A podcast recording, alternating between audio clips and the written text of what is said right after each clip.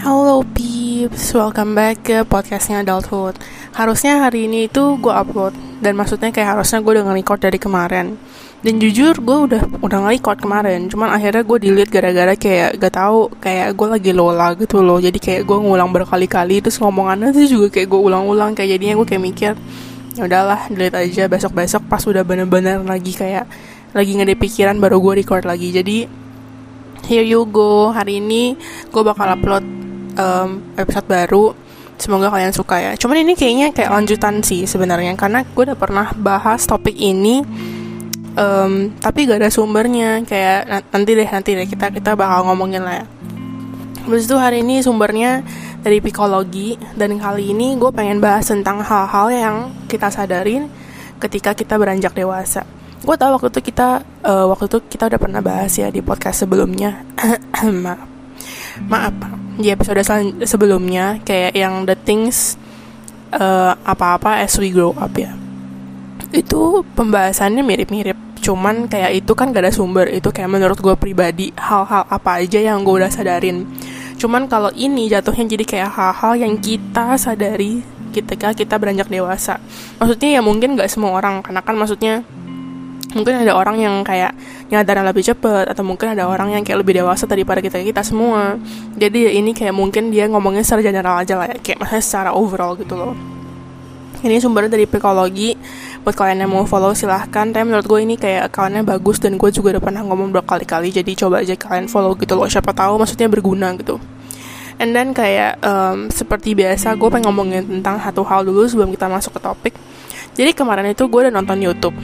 YouTube-nya Winston Renaldi kalau misalkan kalian tahu gue demen sih YouTube-nya dia. Kayak awalnya gue ngikutin dia gara-gara dia tuh lucu gitu kayak ngeros-ngeros orang. Cuman ya maksudnya gue demen sama dia bukan berarti kayak maksudnya kayak maksudnya gimana ya kayak gue kasar juga ngomongnya kayak ngeros ngeros orang gitu. Maksudnya gue ngomongnya yang kasar. Cuma maksudnya gue nggak sampai sengegas itu gitu loh. Kayak maksudnya ya lucu aja gitu gue ngeliat dia sebagai ya, hiburan aja gitu. Karena maksudnya juga nggak maksudnya jangan sampai dibawa ke perasaan banget gitu loh kalau misalkan kayak lihat YouTube YouTube atau mungkin kayak nonton nonton juga gitu loh. Dan kemarin itu gue lihat YouTube-nya dia dari tiga bulan lalu sih baru muncul di home gue karena gue udah lama gak nonton YouTube-nya dia kan intinya dia lagi ngerus yang itu loh kasusnya yang si pendetanya Paul Chang yang menista agama Islam ya dia tulisnya ya. Jadi kayak um, di sini gue kayak nggak akan kayak gimana ya kayak nggak akan terlalu banyak komen. Cuman menurut gue pribadi kayak lu mau lu oke okay lah lu gak suka sama agama muslim gitu kan sama muslim. Cuma maksud gue kayak personally kalau misalkan emang lu gak suka ya udah lu keep aja ke diri lu sendiri. Atau enggak lu ngomong kayak cuman sama teman lu masa lu pendeta. Dan di sini gue nggak bilang kalau misalkan gue ngomong kayak gini ah lu masuk suci gini gini gue nggak akan kayak gitu. Kayak maksudnya karena gue sendiri juga mungkin ya pasti ada lah. Gue bukannya kayak menjelek-jelekan agama mana pun. Cuma maksudnya gue yakin di tiap agama itu pasti ada orang yang nggak yang nggak baik nanti gak sih? Jadi gue kayak kalaupun gue kayak bilang ah muslim mah gini-gini tapi menurut gue pribadi kadang ada juga beberapa orang Kristen atau mungkin bahkan agama gue sendiri agama Katolik atau mungkin orang Buddha yang bahkan tuh emang maksudnya orangnya nggak baik. Bukan nggak baik maksudnya kayak gimana ya? Bukan cuma maksudnya kayak yang nggak berarti gue agama Katolik nggak berarti mereka agama Kristen nggak berarti mereka agama Muslim. Semua umatnya itu tuh pasti kayak wow 100% suci gitu loh. Ngerti gak sih dan kayak personally menurut gue pribadi lu sebagai pendeta sebagai pendeta yang harusnya benar-benar kayak membawa pengaruh baik untuk semua orang maksudnya untuk maksudnya untuk kayak orang-orang di luar sana untuk kayak apa sih namanya orang-orang yang dengerin lu.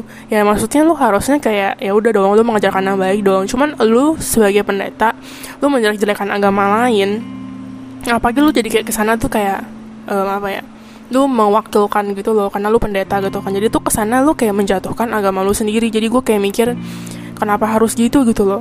Kayak maksudnya dia sampai ngatain kalau umat muslim eh kalau iya ya muslim itu tuh kayak biadab. Katanya LGBT tuh nggak buat rugi orang. Katanya tuh mereka mereka kalau muslim tuh yang puasa tuh yang buat rugi orang. Terus gue kayak hah? Kayak maksudnya hah? Kayak maksud gue kayak hah? Kayak I mean kayak kayak apa sih? Gue speechless banget gitu loh. Kayak maksudnya kayak mereka kayak si pendeta ini kayak bilang katanya umat muslim itu puasa ngerugiin kita gara gara-gara katanya itu kita jadi harus tutup restoran bla bla bla bla. Kata kita jadi kayak menjadi kayak rugi gitu loh. Jadi tuh katanya dia tuh kayak ngatain umat muslim tuh biadab. Terus gue kayak mikir kayaknya kalau maksudnya kalau misalkan mereka puasa pun gak, gak, gak sebanyak itu gak sih? Restoran-restoran tutup pasti buka-buka aja gak sih? Ya ke, maksudnya kecuali kalau emang mungkin yang yang bukanya juga orang muslim mungkin aja bisa tutup gitu kan. Cuman kayak I mean kayak mostly kayaknya kalau misalkan lagi-lagi musim-musim masih musim-musim puasa gitu kayak gue nggak gitu sering melihat banyak restoran tutup deh. Nggak tahu ya apa wilayah gue doang apa gimana. Cuma maksud gue kayak ya emang kenapa? Itu nggak ngerugin kita juga gitu loh. Ya I mean kecuali kalau misalkan lu tutup restorannya gitu loh. Dan LGBT ya LGBT emang nggak ngerugin siapa-siapa. Cuma maksud gue kayak I mean kayak gue nggak nggak membenarkan dan tidak menyalahkan. Karena ya gue juga pernah bahas LGBT di podcast gue sebelumnya sama teman-teman gue LGBT itu sebenarnya menurut gue pribadi ya udah gue nggak akan menentang tapi gue juga gak akan mendukung. Kayak lu kalau misalkan ada teman gue yang LGBT silahkan aja. Cuman maksudnya personally gue bukan orang yang kayak apa ya pokoknya nggak mendukung tapi juga nggak menentang gitu loh. Kayak gue tahu maksudnya ya itu kan hak lu. Karena ya maksud kita juga nggak tahu lu kan hatinya kayak gimana kita kan nggak pernah bisa ngatur kan. Cuma maksud gue ya tapi gue nggak membenarkan. Karena menurut gue itu kayak maksudnya kok bisa gitu loh ngerti gak sih? Nah, kayak gitu aja sih gitu. Tapi maksudnya gue bukan yang menyebarkan hate ke orang-orang LGBT itu gimana karena maksudnya ya maksudnya di sini di Taiwan pun juga banyak yang LGBT gue emang nggak tenang nggak nyaman ngeliatnya. Gue risih ngeliatnya. Cuma maksudnya gue nggak berarti kayak gue bisa ngehit kalau misalkan emang kayak maksudnya di kelas gue sendiri pun di uni gue pun kan banyak orang Taiwan. Dan orang Taiwan itu ada beberapa yang LGBT dan gue biasa-biasa aja. Kayak maksudnya mereka kadang kayak lucu-lucu aja kok. Jadi gue kayak ya udah welcome welcome aja. Kayak min yang gak salahnya. Dan menurut gue itu nggak ngerugiin siapa pun. Tapi menurut gue pribadi kayak kayaknya di di apa sih di apa sih berbagai agama kayaknya nggak ada yang menulis kalau LGBT dibolehkan nggak sih? Nggak tahu ya. Cuman ya udah kita nggak akan bahas lebih jauh. Jadi kita bakal masuk ke topik aja oke? Okay? jadi oke okay, seperti yang tadi gue udah bilang di awal topik kita hari ini tuh hal-hal yang kita sadari ketika beranjak dewasa. Ini menurut psikologi oke? Okay? nanti gue bakal tag ke Instagramnya di Instagram gue pas gue upload podcast ini dan gue akan tulis di description podcast gue juga ya uh, Instagramnya. Kalau misalkan kalian mau follow silahkan bisa follow gitu Oke, jadi kita bakal bahas menurut psikologi sendiri dan nanti kayak di akhir di akhir gue bakal tambah-tambahin kayak maksudnya dari yang komen komen-komen di kolom komentar mereka ya. Masa jadi kayak yang maksudnya emang kayak banyak yang like jadi kayak orang-orang pengen setuju. Dan gue nggak akan ngomong menurut gue pribadi maksudnya kayak menurut gue pribadi hal-hal apa aja yang udah gue pelajari gitu semenjak gue beranjak dewasa gitu. Karena gue udah pernah bahas ya episode sebelumnya jadi maksudnya biar nggak double-double gitu loh gitu oke? okay? Oke jadi. Menurut psikologi nih yang pertama. Ini kenapa sih ngomong ke licin? Oke. Okay. menurut psikologi yang pertama not all friendships last forever and that's okay. Indonya buat kalian yang gak gitu paham nggak semua teman itu pertemanan maksudnya nggak semua pertemanan itu bertahan selamanya dan ya itu nggak apa-apa. Oke okay, buat ini menurut gue pribadi ini bener sih karena gue udah pernah ngomong juga di podcast gue sebelumnya gue ada kayak cece-cecean gitu di sini. Maksudnya bukan di Taiwan sih maksudnya gue ada cece-cecean lah kayak maksudnya kalau gak ada masalah biasa gue cerita sama dia. Gue kenal dia dari pas gue belajar MT gitu Muay Thai terus kayak dia beda sekitar 9 tahun sama gue gue lupa. Pokoknya di atas 5 tahun dah jadi kan kayak dewasanya udah lebih jauh gitu dong. Dan dia tuh mirip banget sama gue dulu. Maksudnya pas dia dulu zaman zaman SMA gitu gua, anaknya tuh juga agak-agak rebel. Cuma maksudnya bukan rebel kayak yang bandel-bandel gimana. Cuma maksudnya kayak ya udah pengennya tuh keluar-keluar gitu. Ngerti gak sih? Nggak tahu kan? Nah abis itu tuh kayak pokoknya jadi kita kayak klub gitu. Dan kayak dia pernah bilang sama gue pas sebelum gue balik Taiwan dia kayak bilang tapi ya Bel kamu tuh makin gede teman kamu pasti makin dikit karena kayak lama-lama kamu kalau udah makin gede kan kamu nanti capek kerja. Lama-lama nanti kamu pasti bakal kayak udah males. Kayak nanti misalkan kalau kamu punya teman banyak kamu masih kan teman banyaknya nggak cuma satu geng dong. Ada teman kuliah teman SMA teman SMP nah nanti kan ujung-ujungnya mereka pasti ada dong. Atau saat kayak ngajakin kamu eh ketemuan yuk eh ketemuan yuk eh ketemuan yuk. Di saat yang maksudnya berdekatan gitu lah anggap aja. Terus kamu tuh lama-lama pasti males kayak aduh yang ini nanti ngajakin yang ini ngajakin yang ini ngajakin. Ujung-ujungnya kamu nanti harus milih salah satu. Atau enggak kamu mungkin udah kecapean kamu nggak bisa kayak ikut semua gitu. Ujung-ujungnya nanti kamu pasti kayak ya udah kamu bertahan sama hal temen yang benar-benar dekat aja. Terus dia juga bilang sama gue katanya bahkan dia sekarang kerja aja dia cuma punya teman deket yang benar-benar deket banget satu. Mungkin sisanya ada yang deket ya cuma maksudnya nggak sedekat yang benar-benar satu ini. Jadi kayak maksudnya yang benar-benar paling deket tuh teman ini doang teman kerja kalau nggak dia bilangnya. Dan menurut gue pribadi itu bener loh dulu itu ya zaman zaman yang gue SD pas gue baru pindah tere buat kalian yang nggak tahu. Gue itu kelas 4 gue kan dari dari inter. Dan gue tuh dari inter berarti mas kayak maksudnya um, cara belajarnya juga beda dong. Gue dari inter semuanya Inggris teman-temannya orang India. Habis itu kayak maksudnya ngomongnya I sama you pindah ke sekolah swasta. Jelas beda dong. Di sekolah swasta orang-orang teman-teman gue pas gue datang udah pada ngomongnya gua lu. Gua lu gua gua gua lu lu lu, lu. habis itu kayak maksudnya ngomongnya kayak juga ya udah pakai bahasa Indonesia. Sedangkan tuh asal kalian tahu ya bahasa Indonesia gue tuh jelek kalau dulu loh. Ya bukan berarti kayak gue di sekolah inter gue selalu ngomong pakai inter maksudnya pakai bahasa Inggris sorry kok inter sih. Cuman kayak maksudnya um, karena emang buku-buku sehari-harinya Inggris habis itu kayak maksudnya kayak ya udah pelajarannya hampir semuanya Inggris kan yang bahasa Indonesia cuma bahasa Indonesia doang. Jadi kayak um, Indonesia gue tuh kayak paling belakang gitu loh kalau misalkan di kelas terus kalau misalkan kalian nggak tahu ya gue tuh baru bisa nulis baru belajar nulis kelas 1 jadi sebenarnya yang basically kalian harusnya bisa bisa bisa nulis kan sebelum kelas 1 cuman karena waktu emang bener-bener bahasa Indonesia gue jelek banget jadi gue tuh kayak baru kayak bisa nulis kelas 1 kayak akhirnya nyokap gue ngelesin gue lagi sama guru kayak yang ngajar di sekolah inter itu kayak khusus buat ngajarin gue gitu loh terus gurunya kayak oke okay, mau. Gitu kan bayangin aja coy gue kelas 1 kayak baru bisa nulis. Jadi kayak maksudnya gue dulu tuh Indonesia nya benar-benar jelek banget. Dan sampai sekarang ya Indonesia gue juga jelek sih. Kadang gue kayak gak bisa ngomong kata-kata yang pengen gue ucapkan gitu loh ngerti gak sih? Makanya kadang gue kalau misalnya kalian deket sama gue kalau chattingan gitu gue kadang suka campur pakai Inggris. Ya meskipun ya oke okay lah buat sebagian orang mungkin kayak ah ngapain sih campur-campur Inggris? Alay banget. Cuman menurut gue pribadi kadang itu membantu sih. Karena kayak kadang gue susah kayak nangkep vocab-vocab Indo gitu ngerti gak and then kayak maksudnya zaman zaman gue baru pindah ke TRI itu kelas 4 itu ya uh temennya kayak maksudnya banyak gitu loh. Bukan berarti kayak gue famous cuma maksudnya temennya banyak kayak kelas sebelah gue kenal kelas ini gue kenal terus dulu gue juga main sama anak-anak yang maksudnya ya udah sama-sama hiper-hiper gitu ngerti gak sih? Kayak di kelas gue mainnya sama ini nanti di kelas kalau misalnya lagi istirahat gue mainnya sama mereka habis itu gue pindah kan. Eh bukan pindah gue habis itu SMP SMP juga temen gue banyak. Karena kayak kita akhirnya SMP kelas 7 itu kita ada satu geng sendiri yang waktu gue pernah ngomongin itu. Nah habis itu kayak gengnya ini tuh isinya kalau nggak 7 8 orang. Termasuk gue akhirnya kayak banyak dong. Maksudnya kayak temennya banyak dong. Kita kayak suka jalan-jalan bareng. Sekali jalan bisa langsung berdelapan bertujuh. And then kayak gue pindah kan. Gue pindah kelas 8 ke IPK nah di IPK awal gue datang juga gue kan kalau misalkan kalian nggak tahu gue tuh anaknya malu banget. Oke, gue anaknya malu banget. Jadi pas gue pertama kali pindah ke IPK, gue tuh juga malu-malu banget. Jadi temen gue waktu itu cuma satu kalau nggak salah. Uh, habis itu di kelas gue doang. Habis itu lama-lama nyebar nyebar nyebar. Habis itu baru ada teman baru. Tapi kayak semakin beriring kayak seiring berjalannya waktu, teman gue itu doang. Kayak maksudnya saya kayak waktu kita juga ada geng cuman maksudnya sebenarnya itu nggak semua orang di geng itu sebenarnya gue deket cuman mungkin kayak ya udah kita satu geng aja gitu aja gak sih karena maksudnya pada kalian kenal juga gitu kan cuman basically gue cuma deket sama satu orang doang di mana temennya ini pun juga kayak sebenarnya toxic. Kayak dia bisa jauhin gue kapan pun bisa deketin gue kapan pun. Jadi kayak maksudnya jujur pas saat-saat SMP emang dia deket sama gue gue emang apa-apa cerita sama dia. Cuman pas semenjak kelas 11 semester 2 kalau nggak salah ya.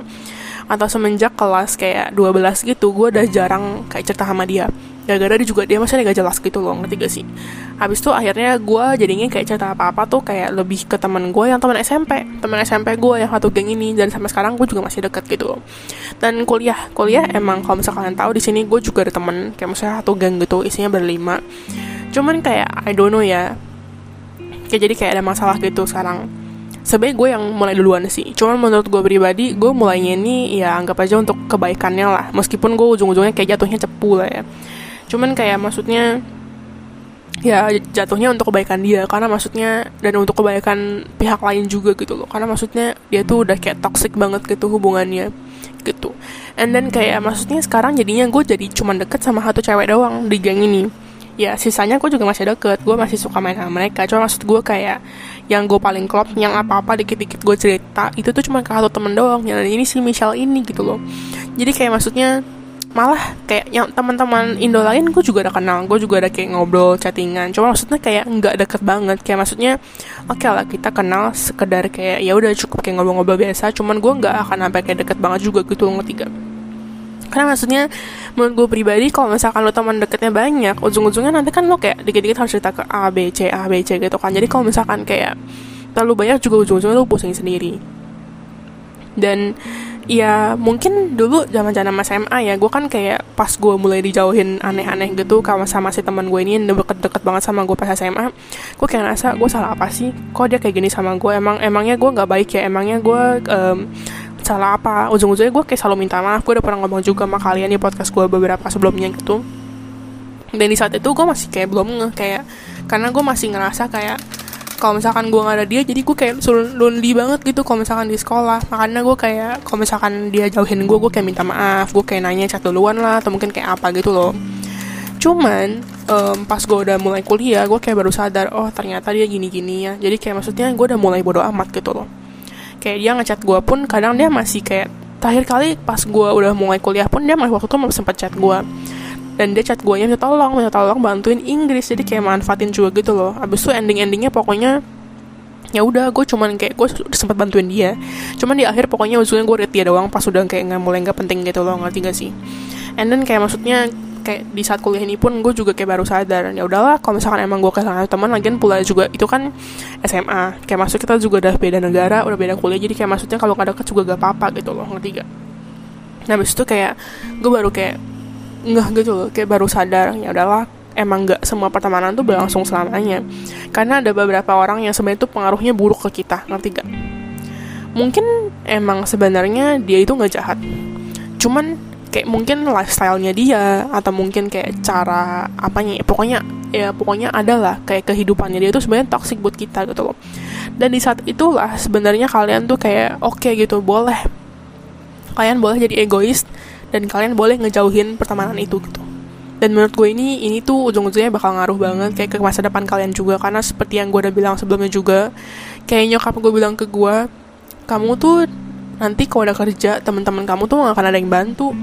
Karena kamu jatuhnya nanti bersaing sama temen. Dan kalau kamu nggak lebih baik daripada mereka ya ya udah kamu nanti bakal jatuh sendiri dan mereka pasti bakal ninggalin kamu. Mana ada yang mau nemenin kamu sampai kamu kayak benar-benar dapat kerjaan. Kalau misalkan mereka dapat kerjaan mereka pasti mah bakal jalan duluan. Gitu ngerti gak sih? Nah, kayak gitu. Oke yang kedua menurut psikologi. You will never escape rejection completely. Indonya buat kalian yang gitu ngerti? Kamu tidak akan bisa sepenuhnya lari dari penolakan. Kalau ini kalau ini gue nangkepnya sih kayak gini ya. Misalkan kalian ini nggak harus penolakan cinta loh ya. Kita ngomongin penolakan secara overall aja. Kayak maksudnya pekerjaan di, di kayak di reject dari eh di reject. Kayak maksudnya nggak di accept gitu dan kayak pokoknya penolakan lah. Maupun tugas ataupun kerjaan. Kayak menurut gue pribadi penolakan ini sebenarnya jatuh-jatuhnya bakal ujung-ujungnya tuh berguna buat kalian. Tapi maksudnya mungkin untuk sebagian orang jatuhnya malah bikin down lagi ya. Cuman sebenarnya secara logika kayak um, gini deh. Kan udah kayak kalian tuh waktu kayak, kayak anggap aja kalian tuh kayak gue waktu itu tahun lalu. Gue interview kerja 11 kali baru diterima kerjaan. Dan kayak maksudnya ya emang kita sedih kita pasti sedih ditolak. Kita udah jauh-jauh interview udah jauh-jauh persiapin ini itu. Jauh-jauh buang-buang um, apa sih PP transportasi. Cuma maksud maksud gue jatuhnya itu kayak ya udah gak apa-apa. Kalian tuh jangan dibawa stres. Karena semakin dibawa stres kalian ujung-ujungnya nanti makin capek sendiri. Makin capek sendiri kalian nanti jatuhnya lebih gampang menyerah. Emang sih jujur waktu itu gue sama Michelle juga udah menyerah. Kita kayak udah lah ada capek males istirahat dulu gitu loh. Ngerti gak sih? Cuman kita maksudnya tetap aja interview. Karena masa kita pengen dapet kerjaan. Ya nggak mungkin dong kita nganggur dong. Nah akhirnya kayak at some point kayak oke okay, kita main capek. Cuma maksudnya kayak um, gimana ya? Kayak ujung-ujungnya malah penolakan inilah yang kayak apa ya nggak nggak menjatuhkan kita loh. Cuma kita jatuhnya kayak nggak mau nyerah aja gitu. Kita tetap nyari tetap nyari tetap nyari tetap nyari. Ini namanya penolakan menurut gue um, ya semua orang anggapnya penolakan ini jatuhnya kayak downsnya kalian di hidup. Ngerti gak sih? Gak harus penolakan kerjaan deh penolakan apa pun itu. Ataupun kayak bentuknya apa pun itu deh. Gak harus penolakan kerjaan gak harus penolakan kerja kayak tugas. Cuma maksudnya kayak apa pun itu dalam hidup kalian yang jatuhnya itu kayak downs ini kalau misalkan untuk orang orang-orang logikanya harus tuh jadi kayak ini gak sih? Kayak kalian tuh bisa bangkit dari ini. Kayak mungkin oke okay, kalian istirahat dulu kayak gue waktu itu. Cuman jatuhnya tuh nanti kalian bakal berusaha lagi. Kalian gak akan give up. Ngerti gak sih? Kayak ya namanya penolakan semua orang pasti pernah mengalami penolakan gitu loh. Cuman ujung-ujungnya ya ini nanti bakal kayak ngebantu kalian di akhir kayak ya jangan give up. Ngerti gak sih? Karena maksudnya ya penolakan ini jatuhnya jadi kayak pengalaman hidup kalian. Dan orang-orang biasanya itu biasanya belajar dari maksudnya dari pengalaman. Dan dari pengalaman inilah dari penolakan ini kalian tuh nanti bisa jadi makin dewasa. Gitu sih menurut gue pribadi ya. Dan ya maksudnya gue ngomong kayak gini pun juga nggak berarti nggak berarti gue kayak apa sih pede banget kayak ngomong ah gue udah dewasa. Gue mah udah banyak pengalaman. Gue lebih dewasa daripada kalian. Gak akan kayak gitu. Karena maksudnya juga ya gue masih belajar kok gue masih belajar untuk jadi lebih cuek lagi.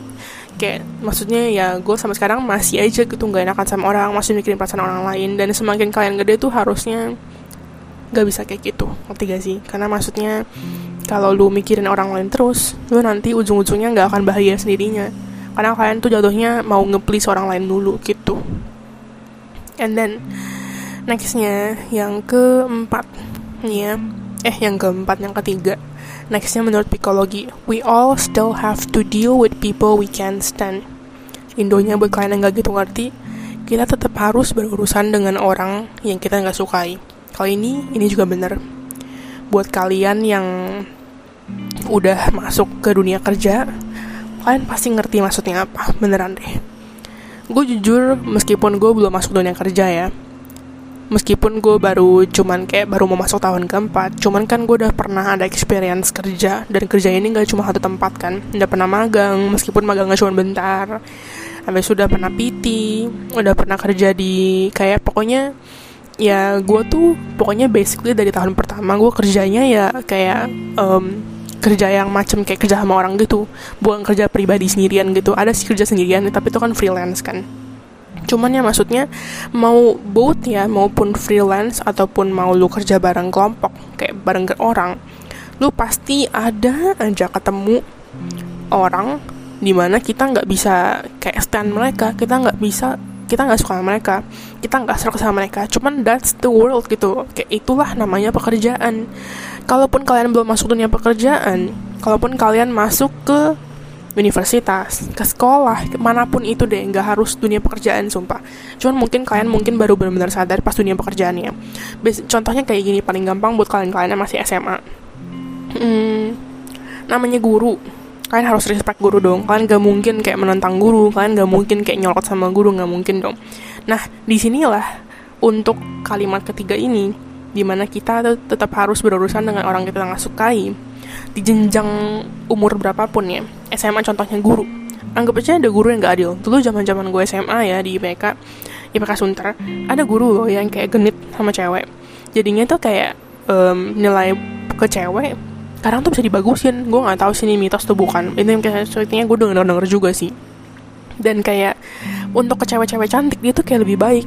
Kayak lebih kayak gimana kayak cincai sedangkan ke orang-orang yang gua kayak biasa aja yang gak cakep jatuhnya kayak lebih um, diperbedain gitu loh. Bukan apa sih bahasa Indonesia bukan diperbedain anjir. Dibedain gitu lah pokoknya kayak dibedain gitu ngerti gak sih? Habis itu zaman zaman gue kuliah. Kita kuliah pasti ada dosen yang kita nggak sukain. Contohnya kayak engkau gue waktu itu. Dosennya ini killer banget. Dan untuk um, kayak bahkan anak-anak inter pun dia nggak mau kasihani. Ya nggak berarti kita sebagai anak inter harus dikasihani sih. Cuma maksudnya kayak at least lu kalau misalkan pas ulangan soal soalnya kita minta Inggris dibolehin kayak tapi ini enggak.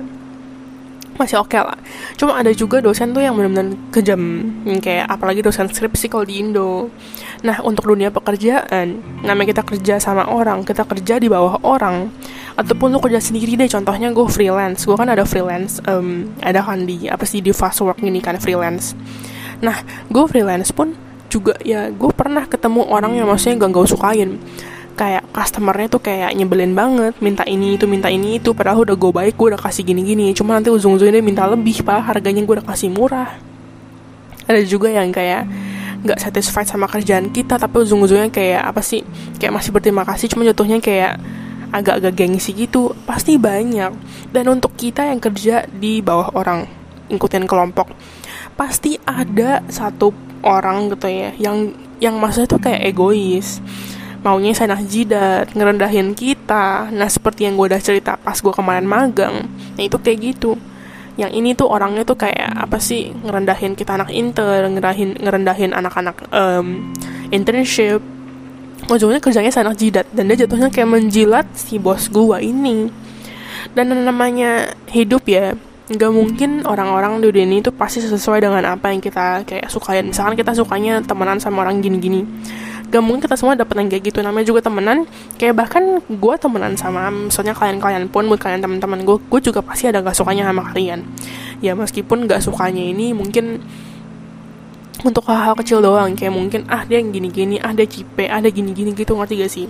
Cuman gak berarti ya maksudnya kayak um, gue nggak bisa gak bisa kayak ngandelin mereka. Kayak itu kan untuk hal, -hal kecil doang.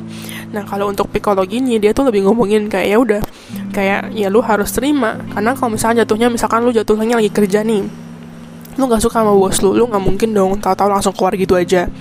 Karena kalau misalkan lu benar-benar mau nyari yang lingkungan asal sama lu teman-teman kerja asal sama lu bos asal sama lu ya lu susah.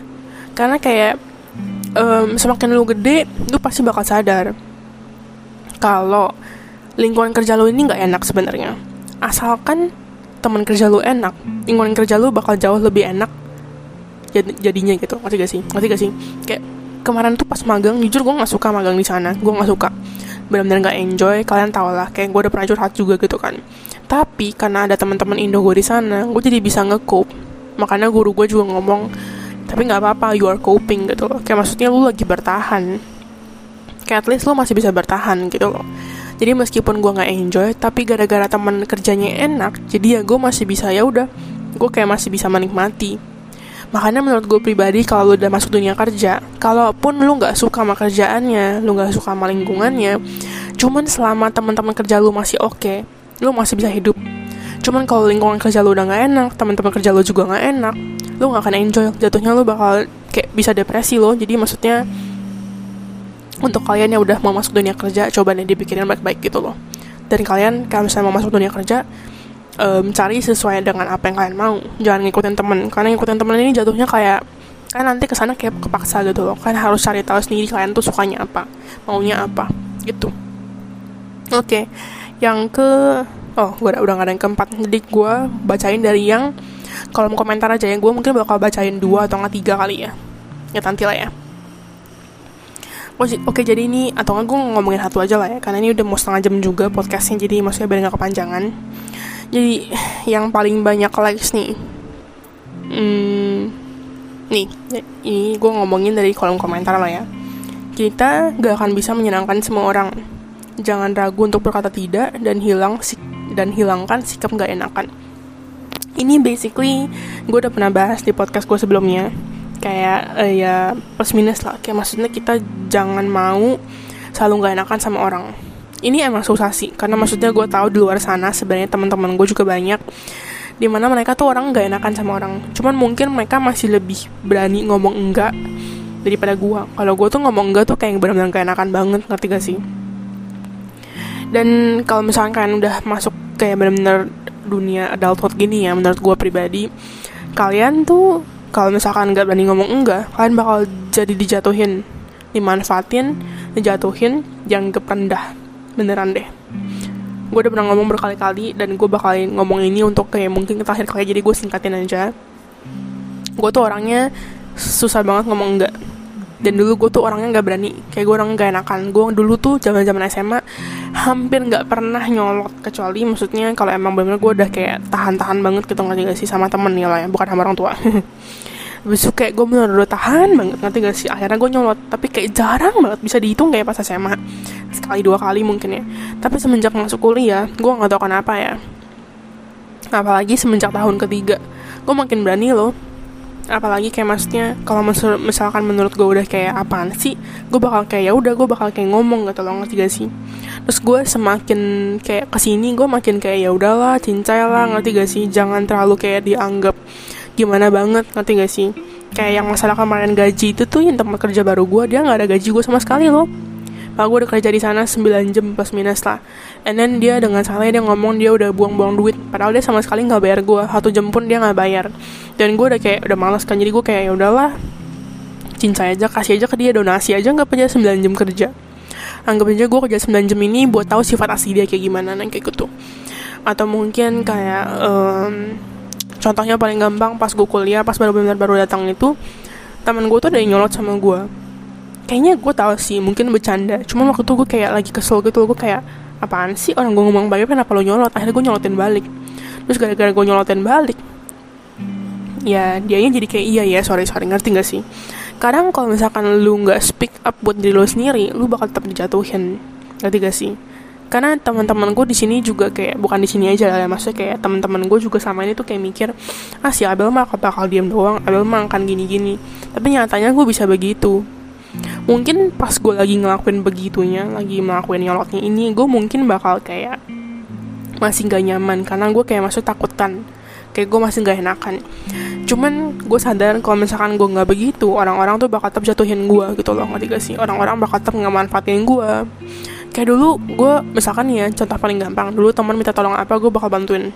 Meskipun tuh sebenarnya agak ngerepotin ngerti gak sih? Cuman kayak sekarang ini kalau misalkan emang gue males ya udah gue bilang aja enggak. Kayak maksudnya ya meskipun nggak selalu sih segampang itu ngomong enggak. Cuma maksud gue kayak lebih bisa lah ngerti gak sih? Dan kayak maksudnya ya untuk orang ini ya yang bilang ini bener sih. Hilangnya sikap gak enakan sebenarnya emang susah apalagi untuk kita orang-orang yang bener simpatinya itu tinggi banget. Cuman namanya dunia ya kadang tuh dunia keras. Dan kalian kalau misalkan hatinya lembut banget kalian tuh nanti bakal kasihan. Beneran. Kayak kemarin gue nonton YouTube ya YouTube-nya siapa ya? Gue lupa. Um, YouTube-nya Nadia Omara kalau nggak salah. Buat kalian yang suka dengerin cerita-cerita horor coba deh dengerin Nadia Omara. Nadia Omara juga seru sih menurut gue kemarin dia ada ceritain tentang kayak cewek Jepang dia tuh orangnya bener baik banget kayak polos banget gitu loh. Ngerti gak sih? Udah polos kayak nggak enakan mungkin kali ya.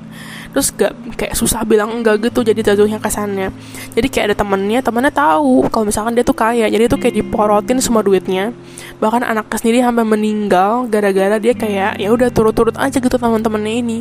Terus di akhir dia kayak baru sadar temen ternyata temennya ini sama itu toxic gara-gara ini. Dia kayak terlalu polos kayak nggak enakan gitu ngomong sama orang bilang enggak.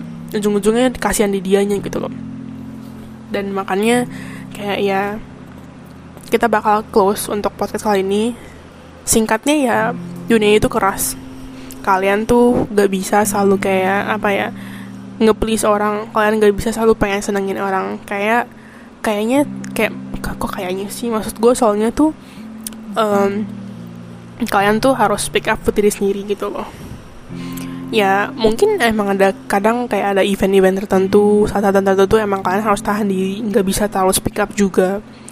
Lihat sikon lah cuma gue tuh kayak ya kalian nggak bisa selamanya bakal kicep aja gitu loh. Kalau emang menurut kalian nggak bener ya silahkan ngomong.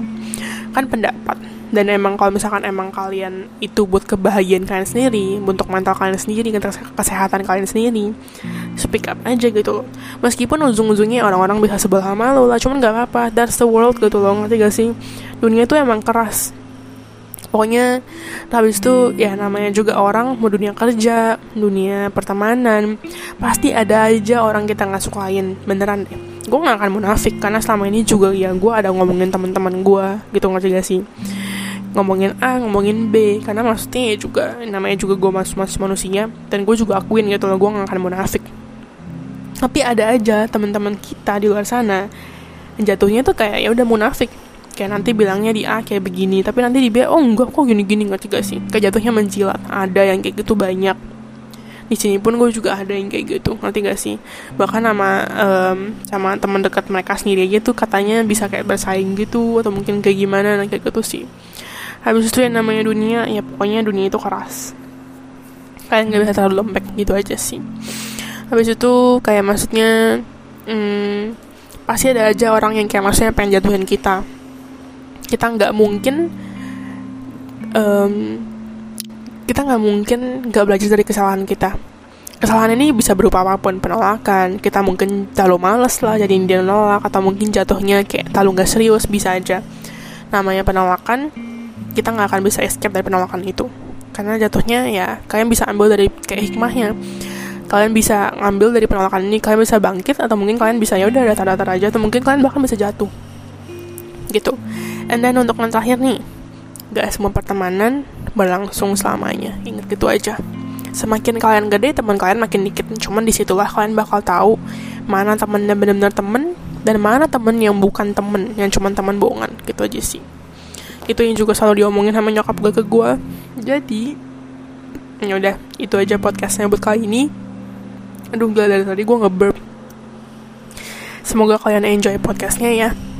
Dan kalau misalkan ada background sound kayak suara AC atau kipas gitu kayak ngeng gitu, gitu maaf ya. Soalnya gue lagi nyalain AC dan nyalain kipas karena tadi panas abis WO jadi ya semoga enjoy podcast gue kalau misalkan kalian suka dan belum follow boleh di follow podcastnya. Kalau nggak mau juga nggak apa-apa. Kalau nggak suka ya udah juga nggak apa-apa. Kan gue juga nggak maksa untuk dengerin atau mungkin untuk maksain untuk suka. Cuman ya ya udah. Itu aja podcastnya. Bye bye thank you yang udah mau dengerin ya. Sampai jumpa di podcast kita selanjutnya. Bye bye have a nice day. Bye bye